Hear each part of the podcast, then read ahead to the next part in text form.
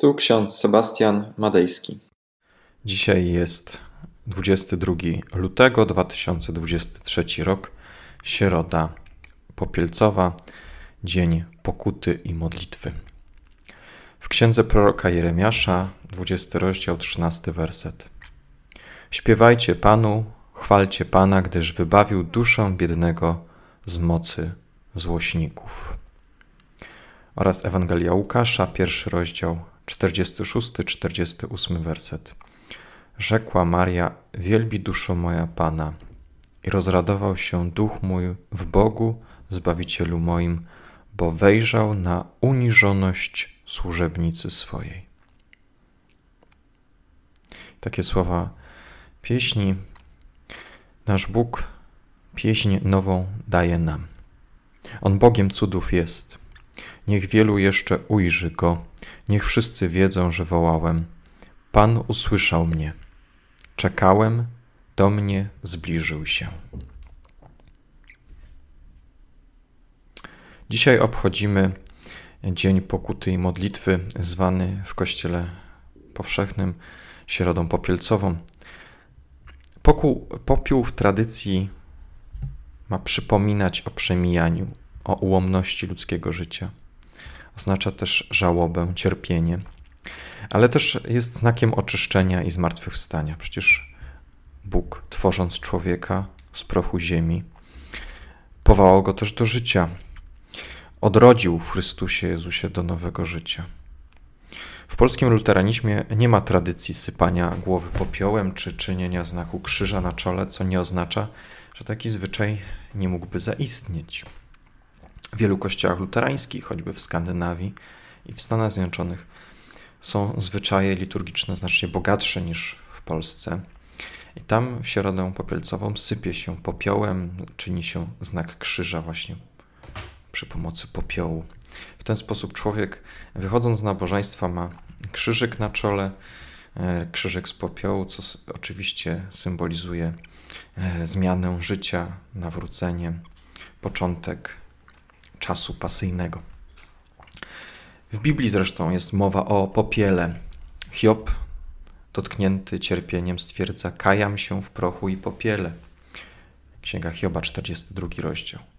Albo król Niniwy, przejęty nawołaniami Jonasza o nawrócenie, wstał z tronu, zdjął z siebie płaszcz, oblógł się w wór pokutny i usiadł w popiele.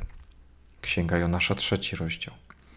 Prorok Ezechiel, opisując lament nad upadkiem Tyru, podaje, że rozpaczający posypują głowy ziemią i tarzają się w popiele. W innych też miejscach występuje popiół jako akt pokuty, nawrócenia. Jednak w pokucie nie chodzi o popiół, lecz o postawę serca. Tego uczył Jezus również swoich uczniów w Ewangelii Mateusza, która dzisiaj będzie czytana na wieczornych nabożeństwach. Dzień pokuty i modlitwy ukazuje nam pewną prawdę, o której pisał zmarły już ksiądz Piotr Wowry. Pisał on tak. W życiu duchowym nic nie dzieje się mechanicznie, bez udziału naszej świadomości. Inaczej dzieje się w przyrodzie, tam wszystko rozwija się na podstawie odwiecznych praw. Gdy słońce ciepłymi promieniami ogrzeje ziemię, po zimie nadejdzie wiosna. Odbywać się będzie cudowna przemiana, bezwiednie, bez udziału świadomości. W życiu duchowym tak nie jest. W tym wypadku wszelkie przemiany dokonują się za pośrednictwem czytania, słuchania Słowa Bożego, za pośrednictwem myśli, uczuć, miłości i świadomych decyzji. Koniec cytatu. Bardzo do mnie przemawiają te słowa, ponieważ pokazują, na czym polega nasz główny problem. Mianowicie na tym, że w naszym życiu duchowym nic nie dzieje się bez postawy wiary, bez pewnej świadomości wiary. Bez żalu, bez braku skruchy, bez braku postanowienia poprawy, nic nie zmieni się w naszym życiu. Będziemy dalej postępowali, jak postępujemy. Teraz rozpoczynamy czas pasyjny. Jest to czas pokuty. Ewangelicy rozumieją pokutę jako nawracanie się, nieustanne nawracanie się do Chrystusa, nieustanne zmienianie swojego życia na lepsze.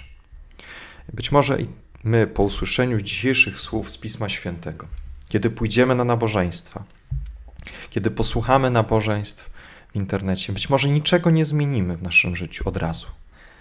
Jednak ważne jest, aby nabrać tej świadomości, chcenia, postanowienia poprawy. Czasami wystarczy jeden mały krok, aby coś zmienić w swoim życiu. Dietrich Bonhoeffer napisał, że Piotr, czy Jan, czy Andrzej, apostołowie nie są w stanie przejść drogi, którą przeszedł Jezus, ale kiedy słyszą Jego głos, pójdź za mną, do nich należy decyzja, czy uczynią ten pierwszy krok, czy też zignorują wezwanie. Wielki Post, czas pasyjny, jest takim okresem pokuty, zmiany myślenia, nieustannym nawracaniem się. Dlatego też jest dzisiejszy dzień dniem pokuty, czyli nawracania i modlitwy. Modlitwy o to, aby Bóg nas zmieniał, aby sprawiał w nas to wykonanie. Tego Wam i sobie życzę, czyli nieustannej modlitwy i nawracania się od złych i szkodliwych przyzwyczajeń ku dobremu, ku Chrystusowi, ku Bogu. Amen. Pomódlmy się.